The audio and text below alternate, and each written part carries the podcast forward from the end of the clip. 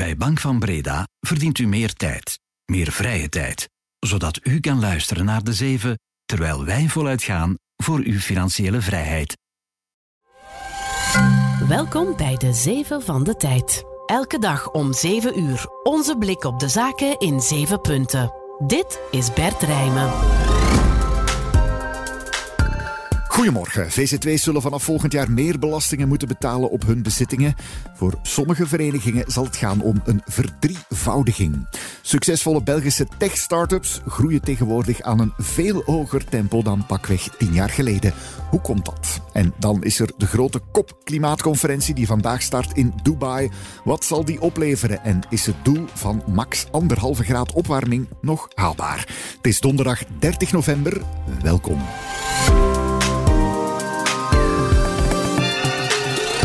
Zeven van de Tijd. 1. Maar eerst even nieuws van vannacht, want in de Amerikaanse stad Connecticut is voormalig minister van Buitenlandse Zaken Henry Kissinger overleden. Hij werd 100 jaar oud. Kissinger werd in Duitsland geboren, maar vluchtte naar de VS voor het opkomende naziregime. Hij bekleedde daar topfuncties als minister van Buitenlandse Zaken en nationaal veiligheidsadviseur in de jaren 70. Onder de republikeinse presidenten Richard Nixon en Gerald Ford, maar ook na zijn ministerschap bepaalde hij mee de Amerikaanse koers op het internationale toneel. In 1973 ontving Kissinger de Nobelprijs voor de Vrede voor zijn rol bij de onderhandelingen over het vertrek van de VS uit Vietnam. Maar die prijs was controversieel omwille van de Amerikaanse geheime bombardementen op Cambodja tijdens die oorlog in Vietnam. Kissinger onderhandelde intensief met de toenmalige Sovjet-Unie over het wegnemen van de spanningen tijdens de Koude Oorlog. Hij staat bekend als een realist in de internationale politiek, maar dat leverde hem ook veel kritiek op, bijvoorbeeld voor de steun aan de bloedige staatsgreep van generaal Pinochet in Chili.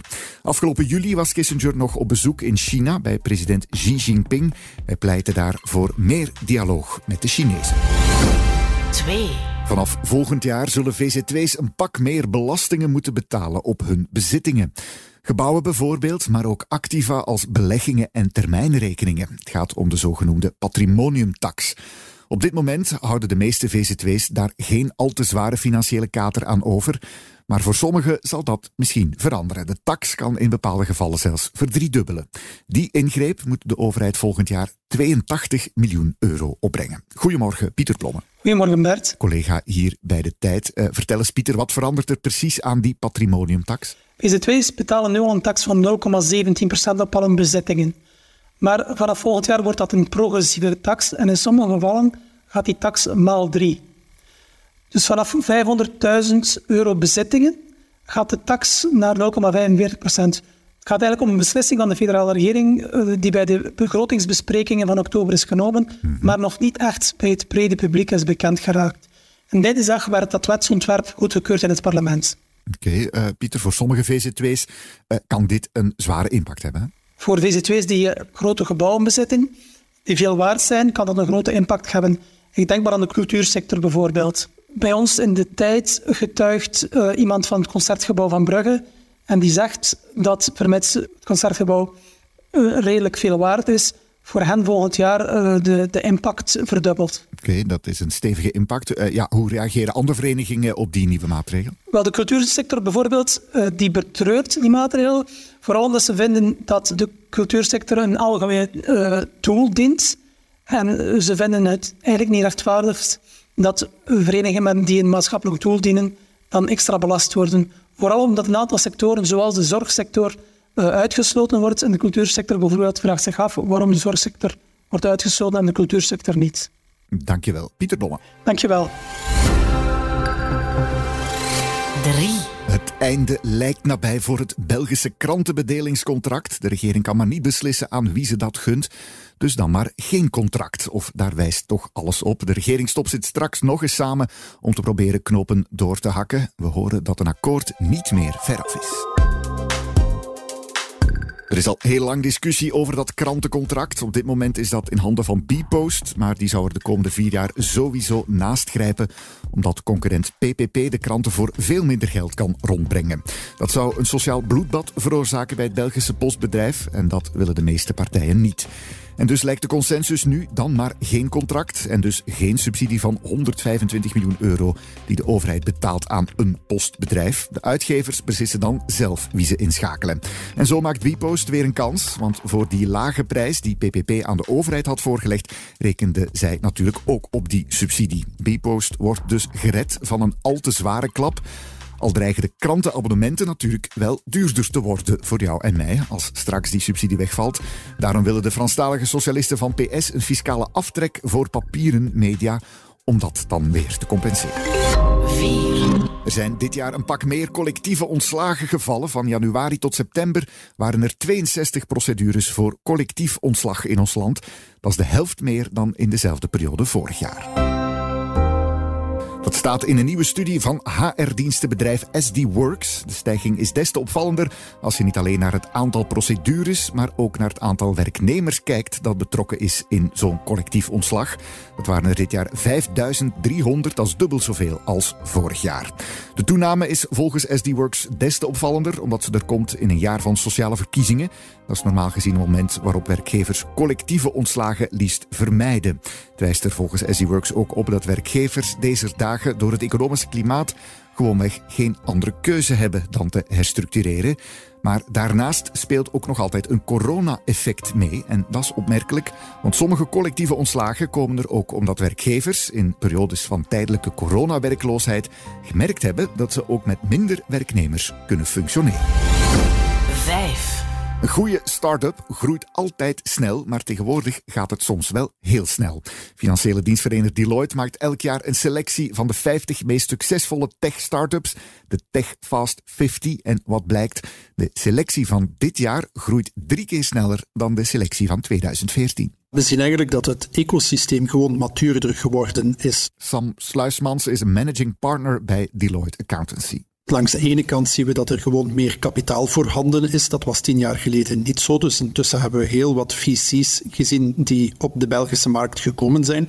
Maar we zien ook dat de ervaring van die scale-ups een heel stuk omhoog gegaan is. Er zijn een aantal ervaren managers, CEO's, founders die opnieuw hun geld geïnvesteerd hebben, maar die ook bijvoorbeeld een bepaalde rol opnemen als bestuurslid, als CEO, als chief marketing en zo verder. En daardoor zien we gewoon dat de ervaring die er nu voorhanden is, dat die beter ingezet wordt, met als gevolg dat die bedrijven ook veel sterker groeien. Meer ervaring aan boord en meer VC's of investeerders dus wat ook opvalt in vergelijking tussen die TechFast 50 van nu en die van negen jaar geleden, is dat het aantal start-ups met een positieve bruto bedrijfswinst dan weer is gedaald. Winstgevendheid lijkt nu dus minder belangrijk te zijn geworden dan groei. Dat zegt eigenlijk speed to market is belangrijk. Waar dat wij naar kijken is enerzijds zijn die bruto bedrijfswinsten zijn die nog altijd stabiel. Met andere woorden, maken zij winst op de producten die ze verkopen. Maar dan anderzijds investeren ze ook heel veel in groei, in marketing, in het bouwen van proof of concepts, etc.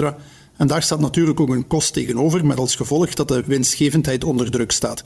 Dus dat heeft eigenlijk alles te maken met de snelheid van groei van die bedrijven. Groeien, groeien, groeien dus. Sluisman ziet ook interessante verschillen tussen de verschillende regio's in België. Hetgeen dat ons opvalt is dat er een aantal ecosystemen zijn die op aan het komen zijn, zoals bijvoorbeeld in Wallonië, in de regio rondom Waveren en Louvain-la-Neuve, rond GSK. We hebben daar Odoo en zo verder. Dat is zeker ook een van de emerging ecosystemen. En zo zijn er eigenlijk nog wel een paar. Ook Limburg is een heel stuk sterker vertegenwoordigd en West-Vlaanderen heeft de laatste jaren ook sterk ingezet op uh, start-ups en scale-ups. Zes. En dan gaan we naar Dubai, want daar begint vandaag die lang verwachte COP28, de internationale klimaatconferentie. Zo eentje hebben we elk jaar, maar wat kunnen we daar deze keer van verwachten? Is die ambitie om de opwarming van de aarde te beperken tot anderhalve graad nog haalbaar? Hoeveel miljarden zijn daarvoor nodig? En wat moeten we denken van de gastheer Sultan Al-Jaber, ster van de conferentie, maar tegelijkertijd ook een van de grootste oliebarons ter wereld? Goedemorgen, Chris van Aver. Goedemorgen, Bert. Collega hier bij de Tijd.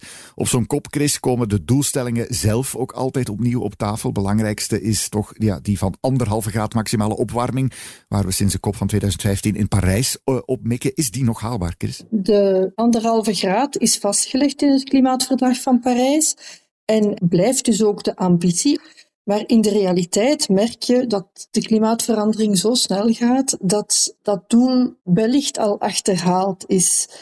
Zelfs de wetenschappers zeggen van dit zal nooit lukken. UNEP is het milieuprogramma van de Verenigde Naties. UNEP zegt het zal 2,5 tot 2,9 graden zijn. Nu, we zien ook heel veel klimaatfenomenen die duidelijk maken dat de klimaatverandering echt aan het gebeuren is en dat je dus met die anderhalve graad er niet meer komt. Maar het moet wel de ambitie blijven om daar zo dicht mogelijk bij te blijven. En dat is eigenlijk de uitdaging waar die klimaatconferentie voor staat nu in Dubai.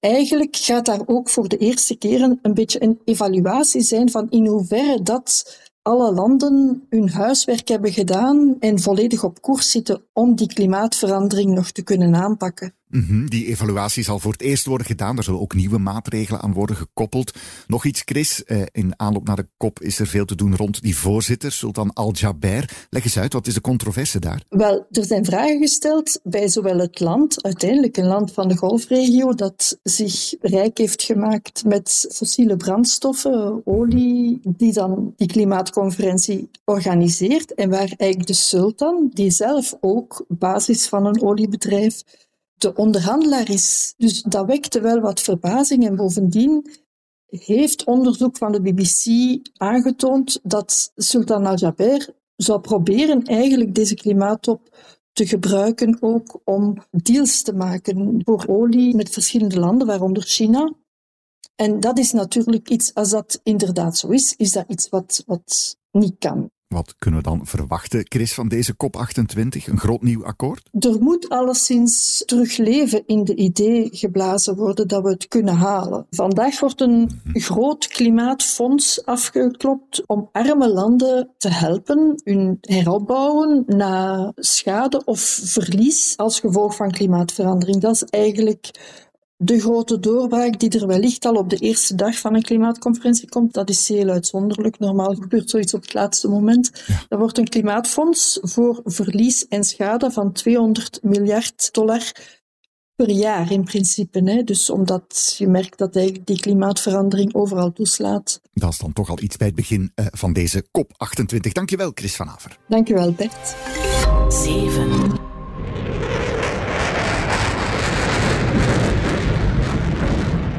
Jan Jambon zal de Belgische straaljagerpiloten niet te zien krijgen op zijn bezoek aan de Verenigde Staten. De Vlaamse minister-president had dat op zijn planning gezet, maar de Belgische ambassade in Washington heeft een mededeling gestuurd dat zo'n ontmoeting niet kan.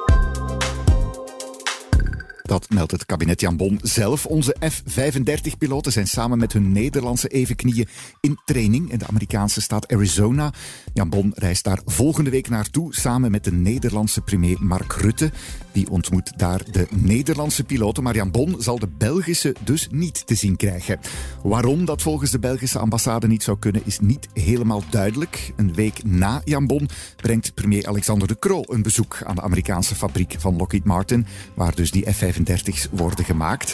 Dat Jan Bon de premier zou voorsteken met zijn bezoek wordt door het kabinet de Croo weggelachen als vermeende reden voor de weigering. Wat dan wel de reden zou zijn, blijft dus vaag. Volgens minister van Defensie Ludivine de Donder heeft de Vlaamse administratie nooit een officieel verzoek gestuurd. Daarmee zit deze de zeven er weer op, maar niet getreurd. Er is ook deze week weer een nieuwe De Beursfailleurs om je tanden in te zetten. Dat is de beleggen-podcast van de tijd. Deze week heeft host Thomas de Soete voetbalmakelaar Stijn Francis te gast. Die heeft grote namen als Toby Alderweireld en Dries Mertens in zijn makelaarsportefeuille. Als belegger is een van zijn stelregels alvast bezint eer je begint. Daar blijf ik wel altijd bij. Als ik het niet begrijp, dan ga ik er ook niet investeren. Als ik niet begrijp wat een bedrijf doet, heeft het ook geen zin om daarin te investeren. Dat lijkt mij toch wel de ultieme toetssteen waar onze vailleurs het helemaal mee eens zijn. Als je het niet snapt, Jazeker, hè. Niet dat het daarbij begint. Als je, hoe aantrekkelijk het ook lijkt. Ja, ja inderdaad. Ja. Andere basics en meer beursnieuws over de koersdreun van Argenix bijvoorbeeld en het Luikse EVS in de nieuwste aflevering van de Beursfires. Luisteren, zou ik zeggen. Voor nu alvast een fijne dag en tot morgen. Dit was De Zeven met Bert Rijmen. Productie door Roan van Eyck van op de redactie van De Tijd. Voor meer business en straffe nieuwsverhalen, check tijd.be of onze app. Morgen zijn we er weer. Tot dan!